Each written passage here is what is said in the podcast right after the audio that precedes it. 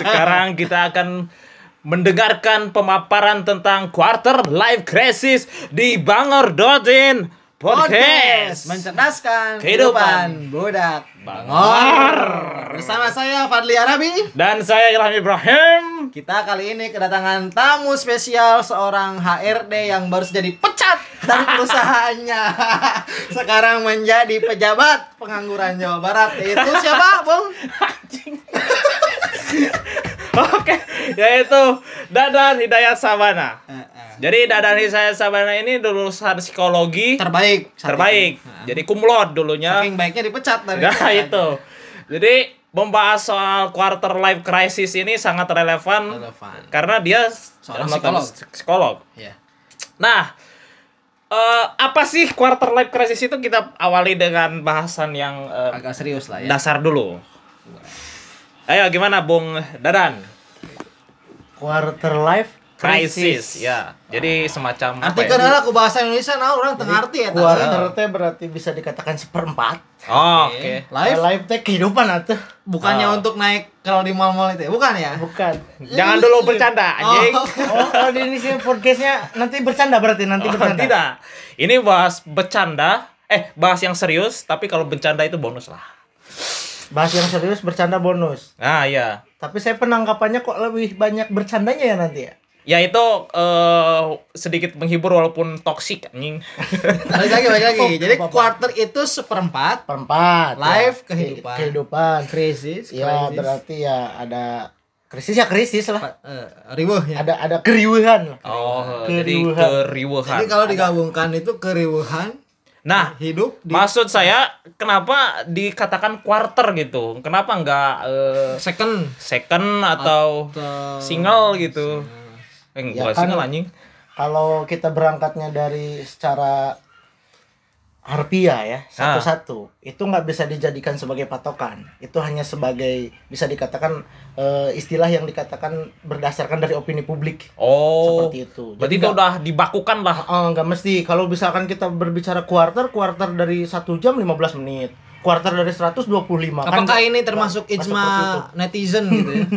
bisa dikatakan seperti itu karena kan netizen kan maha benar Oh iya. Atas segala statementnya. Oke, berarti eh, sebenarnya quarter life crisis ini eh, kondisi seseorang itu dalam kejiwaan seperti apa gitu? Nah, kalau berka- eh, berkaca pada teorinya Eric Fromm bahwasanya kehidupan seseorang itu berdasarkan bisa dikatakan rentang waktu atau usia. Quarter life ini kan berarti rata-rata orang hidup di dunia, kita melihat yang terpendek dengan yang terpanjang itu diambil 100 tahun. Oh, Nah, quarter itu berarti kan berapa? Salawe tahun, 25 tahun. 25. Oh. Kita sudah masuk usia itu belum ya? Jelas lebih. jelas.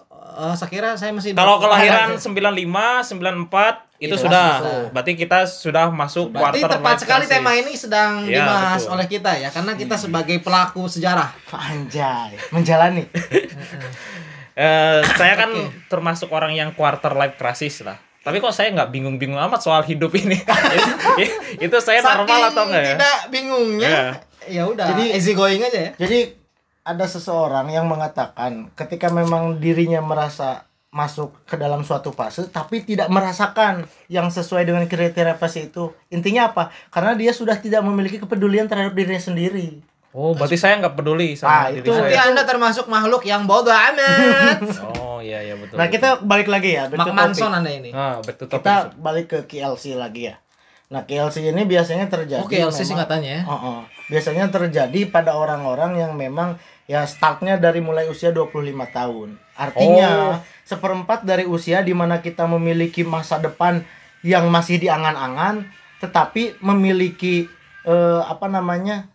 usaha untuk menggapai tujuan tersebut yang masih abu-abu gitu. Oh, Ah, berarti awalnya kita itu kan anak-anak kan penuh dengan permainan, remaja Ah. penuh dengan percintaan. Ah. Kita langsung dihadapkan dengan realitas dunia yang nyata gitu. Nah, itu kan kita berangkat dari perkembangan dulu ya. Iya. Karena Bung Ibro ini sudah menyinggung tadi anak-anak. Iya, Nah, saya sebelum ke sana perkembangan apakah memang usia quarter itu harus dari 25? Tidak bisa 2001 misalkan. Eh, sebenarnya gini, kita berangkat dari pengertian ya. Karena kan seseorang masuk ke dalam suatu fase itu atau misalkan suatu istilah itu itu kan berdasarkan kriteria. Ya. Nah, KLC ini sendiri sebenarnya gini, di mana seseorang memiliki tingkat depresi, frustasi, betul. karena apa? Karena dia dibebankan dengan tanggung jawab yang besar, tetapi tidak memiliki kemampuan untuk apa? Untuk mengemban tanggung jawab tersebut. Oh. Dia dibebankan pada suatu harapan yang tinggi, tetapi apa? Usaha-usaha yang dia yang dia lakukan belum bisa mencapai target tersebut. Iya. Itu kan KLC maksudnya ke sana. Misalkan kayak pertanyaan-pertanyaan, kapan nikah, Hmm. kapan punya pekerjaan. Aha. Itu termasuk pertanyaan KLC. Itu termasuk atau sebuah KLC. problem di KLC itu. Jadi sebenarnya kan KLC itu tidak tidak melulu soal ekonomi, sosial, politik atau budaya. KLC itu bisa semua aspek dalam kehidupan. Gak mesti dalam satu hal yang biasanya kan kita di, yang diperdebatkan itu nikah, Iya. intinya berumah Kerja tangga, di mana? kerja atau karir kan kayak gitu, atau bahkan eh, pencapaian. Anjing, Ah, ah, ya ya. Kayak gitu kan. Nah, sementara untuk KLC ini sendiri tidak tidak hanya melulu soal itu, tetapi stigma di masyarakat secara general itu yang mereka gombarkan gitu. Itu yang mereka gembor-gemborkan, bukan gombarkan, gembor-gemborkan. Oh. Misalkan eh, Anda misalkan nih merantau nih pulang ke kampung halaman. Lah, ini kok ada perjaka satu usianya berapa tahun, anak si ini udah nikah loh. Lah kok ini belum nikah? Oh. Emang kerjanya apa? Kan kayak gitu. Sebenarnya apa? Ketika kita berbicara masalah seperti itu atau misalkan taruhlah kita nih sebagai pengangguran ya. Orang di tetangga kita, orang di samping kita mereka berkata, "Kok ini anak udah lulus?" katanya. Terus dibilang udah sarjana tapi kok masih pengangguran. Dia sendiri nggak tahu berapa eh, sehari berapa email yang kita apply ke HRD Iya, suatu betul. perusahaan dan itu ditolak gitu loh Alhamdulillah Sakit, mereka nggak tahu berapa kali kita mencoba interview secara langsung atau bahkan sekarang lewat media taruhlah zoom misalkan kayak gitu, dan kita ditolak prosesnya Enggak, benar. Eh quarter life crisis ini fenomena modern atau emang sejak zaman Nabi Adam itu udah ada gitu? Sebenarnya kan kalau kebimbangan kebingungan kayak gini sebenarnya udah ada dari dulu Oh. tergantung bagaimana cara kita menyikapinya semua orang bisa masuk ke dalam fase ini Oh. seperti itu Maksudnya kan kalau di era modern kan hidup itu kayak udah ditentukan gitu. ya Setelah lulus SD harus SMP, Ah. setelah SMP harus SMA, setelah SMA kuliah, setelah kuliah Kerja. harus kerja gitu. hmm. Setelah kerja harus menikah. Iya, itu tuh kenapa gitu ada ada semacam step-step hidup itu harus gitu. Itu kan nggak monoton nggak sih? Kalau Nabi Adam kan mungkin cuman berburu aja nggak sekolah langsung. itu kenapa gitu harus eh, kenapa gitu harus Jadi memang gitu. eh, agak rumit sekali ngebahas KLC ini kan. kita balikin ke ini deh ya karena saya kan di sini bawa-bawa email-email psikologi kalau nggak ada teorinya nanti dikatakan common sense gitu. Iyalah. sendiri kan Makanya Anda dihadirkan ke sini harus bawa teori. harus makanya kan Kalau Anda sini hanya sebatas ngobrol tanpa ada basa-basi saja, mending nggak usah hadir di podcast ini. tahu teori humanistik tidak tahu tuh. Tidak. nah itu intinya teori kehidupan manusia lah Ya. bahwa manusia itu digambarkan memiliki hierarki of need ada lima kebutuhan hidup Anjing apa tuh? ah kita berangkat dari yang pertama nih yang Pertama. paling- pertama ini kebutuhan eh, makan minum ya secara lo- logistik Biologis. lah kayak gitu bukan. biologis juga Nah. terus kebu- kedua itu keamanan nah ketiga itu fase kelanjutan hidup nah yang keempat itu rencana yang tersusun kelima itu afiliasi jadi hidup kita tuh bener-bener misalkan nih anda nih Bung Padli dengan karir anda saat ini misalkan anda kan bergerak di bidang pendidikan Ya. nah anda nggak berhenti sebagai guru tapi anda memiliki apa? Memiliki karya. Taruhlah misalkan menyusun sebuah metode cara mengajar yang bisa diterapkan. Itu udah tingkatan kelima tuh udah tinggi tuh. Nah seperti itu. Nah kita kembalikan lagi kepada KLC yang tadi. Di mana apa? Di mana orang itu dijudge kita itu distandarkan dengan standar kehidupan orang lain yang sudah sukses. Ah, itu. Membanding-bandingkan kehidupan itu nggak benar itu. Jadi eh gini, Padahal setiap orang punya limit waktunya yang berbeda. ya gini. Eh orang-orang yang terkena atau orang-orang yang dalam fase KLC dia itu harus gimana gitu di tengah-tengah masyarakat yang yang yang suka ini menuntut Apakah Menuntut. harus ikut arus? menuntut menikah gitu, menuntut pekerjaan, menuntut karir, menuntut pencapaian. Saya sendiri kan udah di usia 25 ini. Banyak tuntutan-tuntutan tapi saya kebingungan gitu bagaimana cara saya mengatasi hal ini. Ah, apakah harus kerja dulu, harus nikah dulu ya? Ya. Sehingga yang dilakukan tidak semuanya. ini mungkin ya pas bercanda bercandanya ya. Oke, eh, karena ya kan KLC itu kan kita dituntut untuk dewasa kan Iya. terhadap suatu keadaan kita dituntut untuk sukses pada suatu pasti yang dibandingkan orang lain yang belum tentu kita itu suksesnya ya sesuai dengan rule of life-nya orang lain gitu loh. Oh. Kita memiliki jalan kehidupan kita sendiri. Anda lihat Donald Trump jadi presiden di usia tahun di usia keberapa? Dia Eh. lebih tua dari Barack Obama. Iya, betul. Sekarang Joe Biden, dia jadi presiden. Bahkan dia jadi bisa jadi presiden dari dulu. Kenapa dia nggak dari dulu? Kenapa jadinya sekarang? Nah, Nah, seperti itu. Begitulah kehidupan. Nah, cara cara menyikapi KLC ini karena memang KLC ini berisinya tuntutan. Kita distandarkan pada kehidupan orang lain. Caranya pertama jelas. Kita agama Islam, sabar. Oh, siap. Oh, siap. Jawaban yang sangat tak terduga. Anjing. Kalau mau sabar mah, Pak, dengerin Ustadz Abdul Somad juga selesai anjing. Nggak usah ngundang psikolog. Ustadz Adi Hidayat juga selesai. Ustaz Fadli Hidayat bisa menjawab itu. Yang kedua, bersyukur. Apa sih? Masih sama. Oke, oke, oke. Sama. Yang ketiga. Yang ketiga, ya, kita fokus dengan tujuan kita sendiri. Apa yang menjadi passion kita, kita jalani dengan keyakinan dan juga dengan usaha yang maksimal. Iya. Yang keempat, kita harus menjauhkan diri dari lingkungan dan circle orang-orang negatif. Yang toksik tadi ya. Oh. Ya termasuk Anda mungkin. Karena kan tadi Anda merasa bahwa Anda chaos sih. Jangan sampai saya merasa ya hal yang sama. Tapi kan gini, orang-orang yang KLC itu kan eh dia mengalami shock culture. Anjay. Ya kan? Bener nggak? Shock culture ya, Boleh, karena boleh, boleh lah. eh, waktu dulu kan dia bersenang-senang tanpa ada beban. Ah, sekarang kan dituntut berbagai beban gitu. Ya. Nah, ketika orang-orang itu gagal melewati fase ini, dalam artian dia langsung frustasi, down dan sebagainya, kemungkinan dia bakal jadi apa gitu, selain bunuh diri. Selain bunuh diri. Iya. Gila itu pilihan yang sangat langsung menyudutkan. Oh. Gila. Depresi tadi ya. Iya sangat sangat menyudutkan. Saya bro lagi rumah acara bro. Saya- Nah, kita kembalikan pada konsep Islam. Berdoa dan berserah diri adalah kuncinya. Allahu Akbar. Nggak seperti itu, nggak semudah itu. Karena ketika kita bilang semua konsep Islam, bukan saya mengajarkan sekuler, tapi karena ya kita hidup ini perlu materi bro. oh, iya. Sebelum betul. kita mendapatkan logistik ya kita harus berlogika. Siap. Kayak gitu kan. Realistis, Nah, realistis lah. Intinya harus seperti itu. Nah, otomatis caranya gimana? Ya memang motivasi terbesar itu berasal dari diri sendiri. Apakah harus butuh sosok orang lain sebagai motivator Boleh. di tengah-tengah Ya. KLC ini? Boleh. Sangat, Sangat. sangat. Kalau menurut saya. Karena so- soalnya seperti ini kan. Ketika KLC, KLC ini kan bisa dikatakan oke kita mengalami fase KLC. Tapi kan bukan cuman kita. Iya. Lah, ketika kita bergabung sesama orang KLC, solusinya apa? Lah malah tambah beban. Soalnya yang Kita ini berarti menambah-nambah beban pribadi. Soalnya apa? Yang diceritakan nanti datang ke sana yang diceritakan Itu ya, lagi. Itu lagi. Kehidupan ya yang susahnya dia. Beratnya menjalani kehidupannya dia itu diceritakan kita. Padahal kita juga apa? Sama-sama Susah memiliki gitu. permasalahan dalam kehidupan. Bagaimana mau memberikan solusi ketika apa? Ya resonansinya tetap negatif. Pantas saya nggak maju-maju bergabung dengan kalian. Berarti gini ya. Eh, apa ya maksudnya? Aduh, saya lupa tuh. Eh, orang-orang yang KLC ini kan dia penuh tuntutan gitu.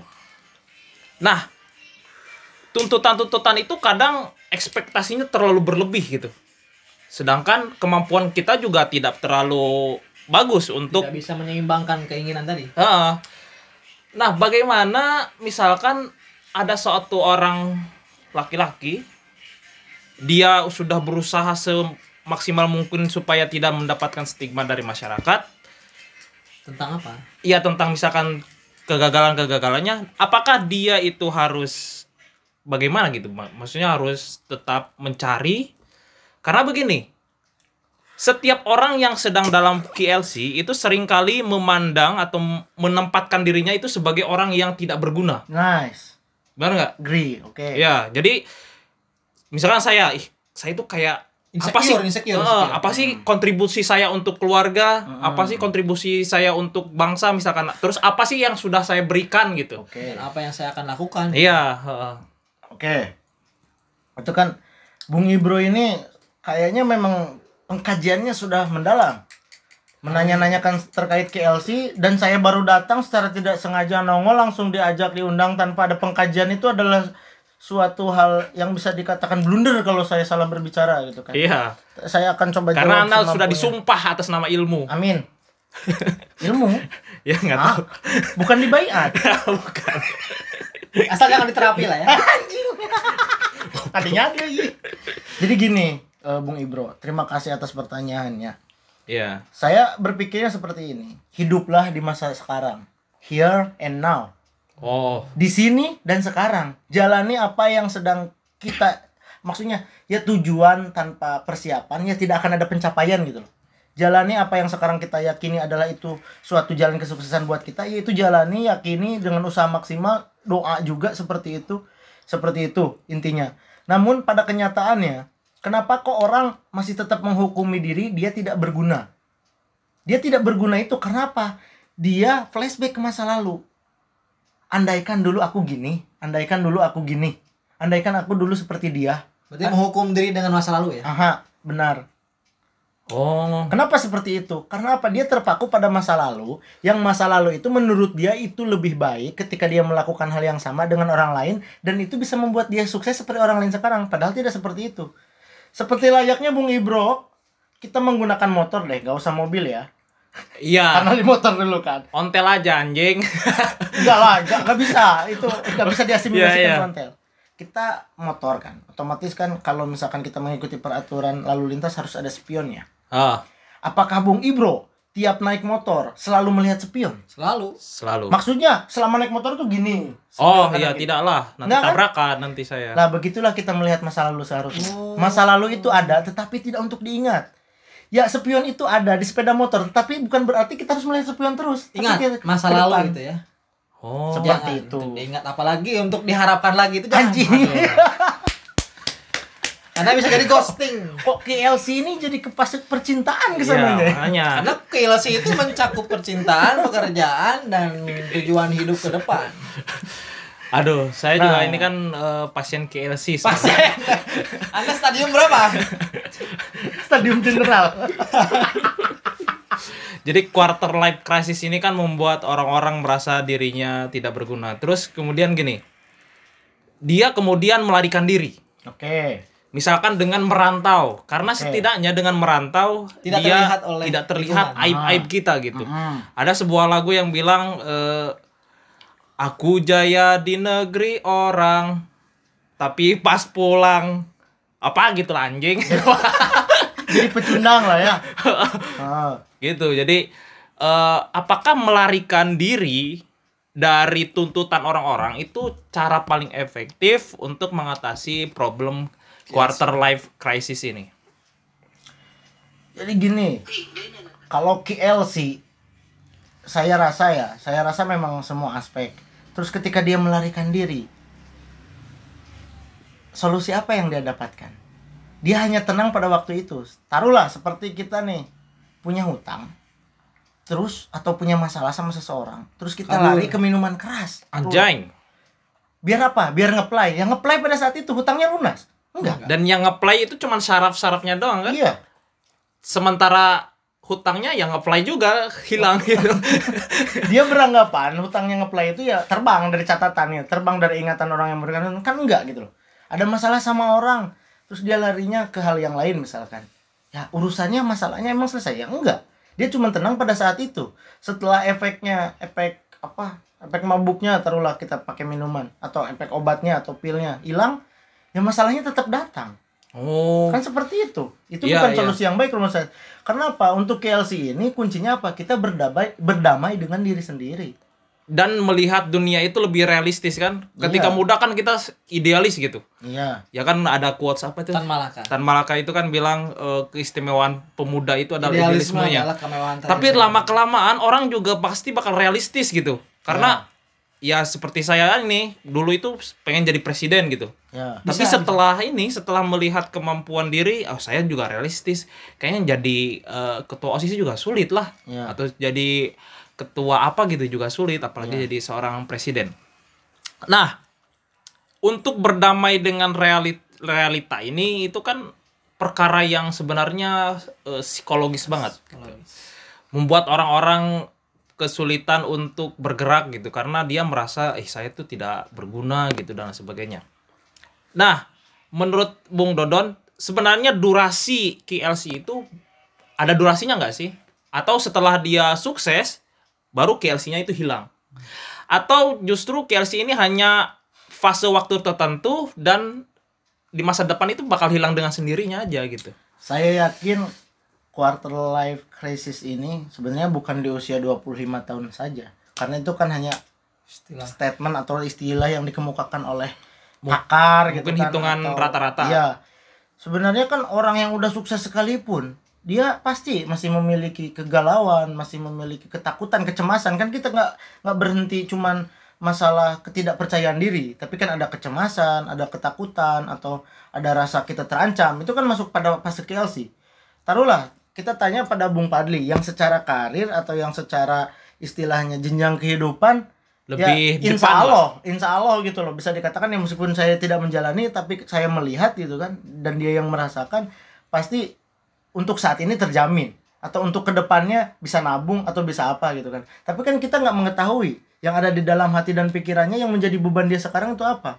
Kalau menurut saya sih seperti itu. Itu jadi fasenya itu akan selalu ada. Tetapi belum tentu itu bisa dikatakan KLC tergantung apa? Bagaimana kita mensiasati untuk mencari solusinya Berarti itu. KLC ini tidak punya durasi, tetapi kalau orang-orang sudah berada di KLC, dia akan terbiasa menghadapi masalah-masalah yang harus disikapi dengan realistis itu nah tadi. seperti itu Saya simpulkan berarti KLC ini sesuai dengan sinetron yang lagi ramai yaitu Ikatan Cinta. Kok bisa? Sebentar. Maksudnya dengan back apa ya, apa soundtracknya Ikatan Cinta yaitu tanpa batas waktu. Oh. Artinya selama kita menjalani kehidupan pasti akan mengalami yang namanya krisis kehidupan. Iya. Nah, Berarti tinggal- obat untuk menghadapi krisis itu apa? sabar dan bersyukur. ya, ya jawabannya jangan terlalu religius lah kan. Ah. Nggak semua Nah, orang religius Nah, kan. itu itu kan kembali eh, sebenarnya solusi dari permasalahannya itu kita berangkatnya dari hal yang dasar dulu. Ya kita berdamai dulu dengan diri sendiri. Iya itu. kita mengampuni mengapresiasi, mengapresiasi apa yang sudah kita dapatkan sudah kita capai selama ini gitu kan. Agar apa? Ketika kita sudah berdamai dengan diri sendiri kita akan berpikiran berkepala dingin gitu. Sehingga solusi itu namanya masalah itu kan pasti ada solusi. Tapi Ya. kan tergantung bagaimana kita usahanya. Itu solusi itu akan datang sendiri. Pasti seperti itu. Nah terkait dengan kita kembalikan lagi ke temanya apa namanya KLC ini sendiri ketika anda tadi berkata kapan berhentinya atau ada fasenya saya tadi jawab tidak ada berhenti atau tidak ada fase-fasenya sendiri tetapi itu akan berkurang Hmm, Berkurang kadar ininya. kadar KLC-nya kadar kadar krisisnya lah karena apa? karena kita terbiasa krisis gitu. Ah, Atau gimana ya? Orang-orang yang sudah terbiasa hidup susah itu akan mudah sekali menghadapi KLC sebenarnya. Iya kan ada yang bilang begini, eh nak sabar ya lima tahun kita susah, lima tahun selanjutnya terbiasa. anjing non bedaan? Progres kehidupan. Iya maksudnya terbiasa kan berarti kita akrab dengan kemiskinan itu tadi. Jadi orang nggak terlalu kaget gitu. Justru orang-orang yang miskin kemudian tiba-tiba kaya itu kan dia mengalami krisis yang baru sebenarnya karena OKB teh. Heeh. Nah, kemudian saya ingin eh, tanya gitu. Kenapa KLC ini harus ada gitu? Bisa nggak dihilangkan gitu dari dunia ini? karena apa karena kita bergaul sebagai makhluk sosial Oh, yang suka memandang orang lain. Nah, kita berinteraksi dengan orang. Dan anda tahu sendiri kita nih bertiga nih orang Sunda lah taruhlah dan di Sunda sendiri lebih keras bro daripada budaya lain. Ya. di Sunda sendiri lebih keras ketika apa? Ketika prestasi atau pencapaian orang lain itu pasti akan dijadikan suatu kebanggaan. Apalagi ketika prestasi anaknya diomongin sama orang tua. Waduh, anjing. di lingkungan misalkan arisan pengajian atau di lingkungan pasar atau pusat perbelanjaan taruhlah kayak gitu itu akan selalu ada. Karena apa? Kita karena memang status kita sebagai makhluk sosial. Makanya itu tadi saya apa bilang kita harus mencari lingkungan yang mendukung tapi bukan berarti kabur. Mencari itu bukan berarti kita menyusuri. Kita juga bisa menciptakan sendiri seperti itu kalau menurut saya. Karena apa? KLC ini tadi saya saya singgung akan berkurang fase krisisnya ketika apa? Taruhlah kita memiliki tujuan yang pasti dan kita dengan berbagai macam pertimbangan dengan usaha yang gigih gitu kan sehingga kita bisa mencapai kesuksesan taruhlah kita berjualan online. Dengan krisis ekonomi seperti sekarang ini kita berpikir akan jadi seorang dropshipper menjual barang orang lain. Kita hanya mengambil selisih untung dari barang orang lain ke pembeli, misalkan seperti itu. Dan ketika laku aja satu barang dan kita bisa melihat pasar yang lebih luas dengan kuantiti eh, kuantiti penjualan barang yang lebih banyak otomatis kan akan mendatangkan keuntungan yang lebih besar. Di sana kita akan melihat apa? Ternyata potensi kita jualan. Nah, mulai salah satu Berarti sekarang ini salah satu cara berdamai dengan diri sendiri itu tentukan potensi diri dulu. Itu benar sekali. Aku Bung setuju. Ilham ini atau Bung Ibro ini potensinya apa? Saya Kemudian nah, potensinya bergosip aja sih. bergosip. Jika bergosip menjadi seorang Sebuah potensi. potensi. yang kamu unggulkan, maka podcast inilah tempatnya. Pertama ini podcast inilah tempatnya. Kedua, kenapa Anda tidak menjadi akun kompetitornya Lambetura? Ah, Nah itu. Kenapa saya juga heran. kenapa kita tidak menciptakan misalkan eh, apa ya? Tapi gini, Lambe busuk misalnya. tapi gini, Mayit goblok. eh taruhlah kita makhluk sosial gitu yang suka membanding-bandingkan antara satu orang dengan orang lainnya dan itu mungkin kita tidak bisa melepas fakta itu. Tapi apakah orang-orang yang terpencil atau terisolasi gitu dari keadaan orang luar dan mungkin budayanya juga tidak budaya seperti kebanyakan orang, misalkan dia harus sekolah dulu, setelah SMA harus begini, harus begini. Jadi hidup itu seakan sudah dipetakan. Ya. Nah, orang-orang yang misalkan di kehidupan terpencil tapi tidak memiliki peta kehidupan, Ya. itu tuh akan mengalami krisis yang sama dengan apa yang dihadapi orang-orang di perkotaan gitu nggak? Misalkan suku Baduy itu kan Ya. nggak punya struktur peta kehidupan gitu. Ya. Itu kan kembali saya bilang kembali kepada yang lingkungan di mana lingkungan itu memiliki tujuan, tujuan berkehidupan. Taruhlah kita berangkat sebagai orang yang merantau dan fase kehidupan kita itu meningkat sebenarnya. Ketika Anda misalkan nih belajar SD, SMP di Limbangan atau di Garut misalkan dan Anda meningkat misalkan eh, SMA-nya di Ciamis dengan boarding school dengan pesantren seperti itu kan terus anda kuliah jauh lagi ke Jogja di eh, universitas ternama gitu kan di Jogja seperti itu itu kan sebenarnya fase kehidupan yang meningkat Oh. dari berbagai fase lah terus eh, beda nggak dengan yang misalkan di Superi Baduy Dayak taruhlah eh, mohon maaf apabila memang eh, tapi ini tidak Atau ada enggak misalkan itu juga misalkan orang yang tetap apa ya tidak merantau lah gitu. Iya, inti intinya yang yang yang kamse lah ya. Kamu seupai. Kamse upai intinya. ya terus terus. Artinya tidak mengenal dunia luar. Ya. Nah, eh, itu kan mereka hanya berusaha untuk mengontrol diri dan lingkung lingkungannya agar apa? Agar tidak tercemar oleh budaya-budaya luar. Itu mereka. Sementara kita berbeda. Justru kita ingin mengadaptasi atau mengadopsi budaya-budaya luar sehingga apa? Kita bisa memilih dan memilah mana yang lebih baik. Taruhlah seperti itu. Makanya ketika probabilitasnya eh, taruhlah kita kembali lagi ke KLC ini sendiri. Orang yang mereka merantau, orang yang mere- yang merantau itu pasti KLC-nya akan lebih tinggi Jelas. karena tuntutannya pasti lebih tinggi. Lah, ngapain sekolah jauh-jauh? Ngapain lulusan kampus ternama di Indonesia tapi ternyata kembali ke kampung? Masih gini-gini aja orang yang di kampung aja bisa lebih sukses? Kan seperti itu. Tetapi kan hidup itu kan selalu ada yin dan yang, ada keseimbangan. Mungkin ya kita di bawah gitu kan, pasti ada orang yang di atas. Tapi kan ada juga orang lain. Ada yang 69 juga kan? 69 style. Kenapa Anda jadi ke sana? Kenapa nggak 76 aja? Tapi kan ada itu. ada orang lain yang mereka fasenya seperti kita, keluar dari lingkungannya, sekolahnya jenjangnya lebih tinggi juga. Misalnya taruhlah setara dengan kita tapi dia keluar lingkungan daerahnya gitu kan. Ternyata dia lebih sukses. Seperti itu. Karena apa? Dia pasti mengalami suatu krisis tapi dia sudah menemukan solusinya. Gini. Ini kan gini ya, sebenarnya kita merantau jauh-jauh dari kampung ke sini kan mengadu nasib. Iya. Artian kita ingin memperbaiki masa depan. Ya. Nah, lalu apa? Itu kan sebagai ikhtiar kita agar bisa apa ya, berdamai dengan masa depan ataupun dengan diri sendiri. Nah, jika itu gagal misalkan, Ya. gimana itu? Kan memang eh, Ya gagal mah wajar lah. untuk mendapatkan kehidupan yang lebih baik kan bisa dikatakan kita gambling ya, perjudian lah. Maksudnya seperti kita melakukan hal ini siapa tahu nanti sukses. Kita buka usaha ini siapa tahu nanti berjaya seperti itu. Siapa tahu podcast ini bisa mengalahkan Deddy Corbuzier Bisa kan, saja. gitu. Bisa saja. Bisa saja, tapi mustahil gitu. Gini, hidup itu kayak ini ya, kayak berpindah dari krisis yang satu ke krisis yang lain. Ya. Orang bijak bilang eh orang yang paling beruntung itu tidak pernah dilahirkan. Ya.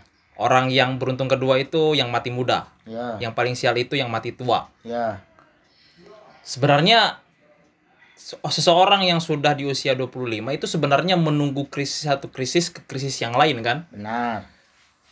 Nah, berarti pilihan bunuh diri Mm-mm. itu menurut Bung eh, Jalan terbaik. Jalan terbaik nggak? Ya. Kalau menurut saya itu bukan sih. Karena misalkan ke- ketika saya sekarang krisis, Mm. ah nanti juga bakal krisis lagi. Mm-mm. Ya itu pertanyaan ini kan merefleksikan Bung Ilham sendiri sebenarnya. Karena dulu saat itu pernah mengalami fase saat itu akan bunuh diri Iya. karena berhadapan dengan suatu krisis. Saya juga pusing gitu.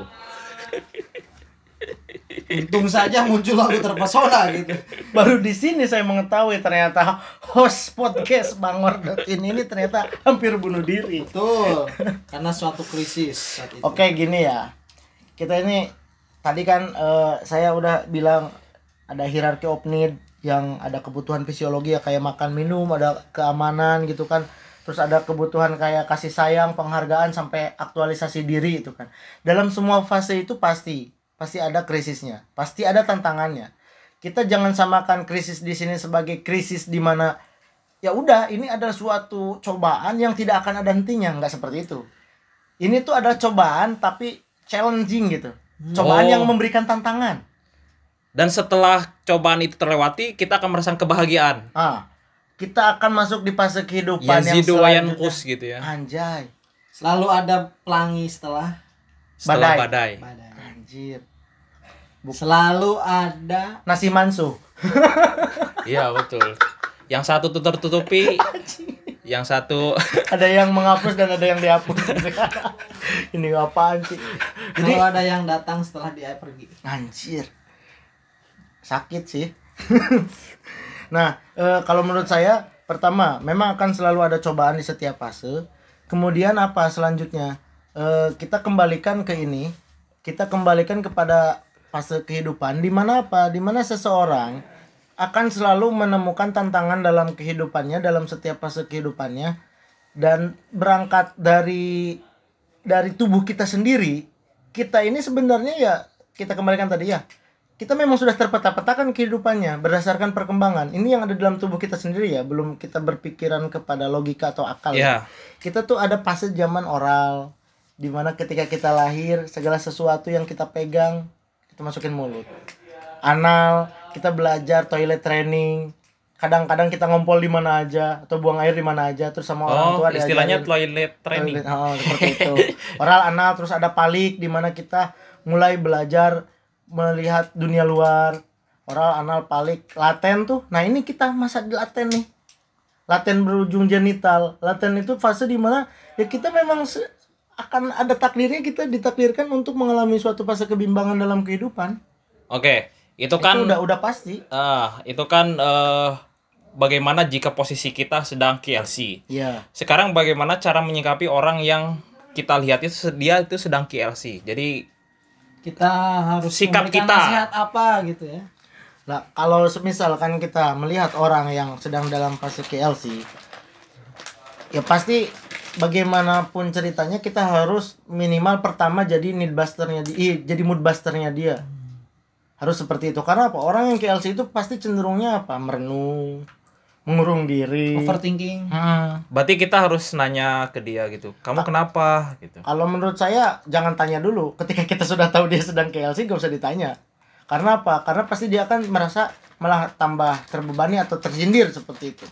Kalau menurut saya ketika kita sudah mengetahui kita kasih stimulasi ke dia di mana kita bisa misalkan nih kita bisa melihat potensi dia. Kira-kira nih anak nih potensinya di mana atau orang ini potensinya apa gitu kan.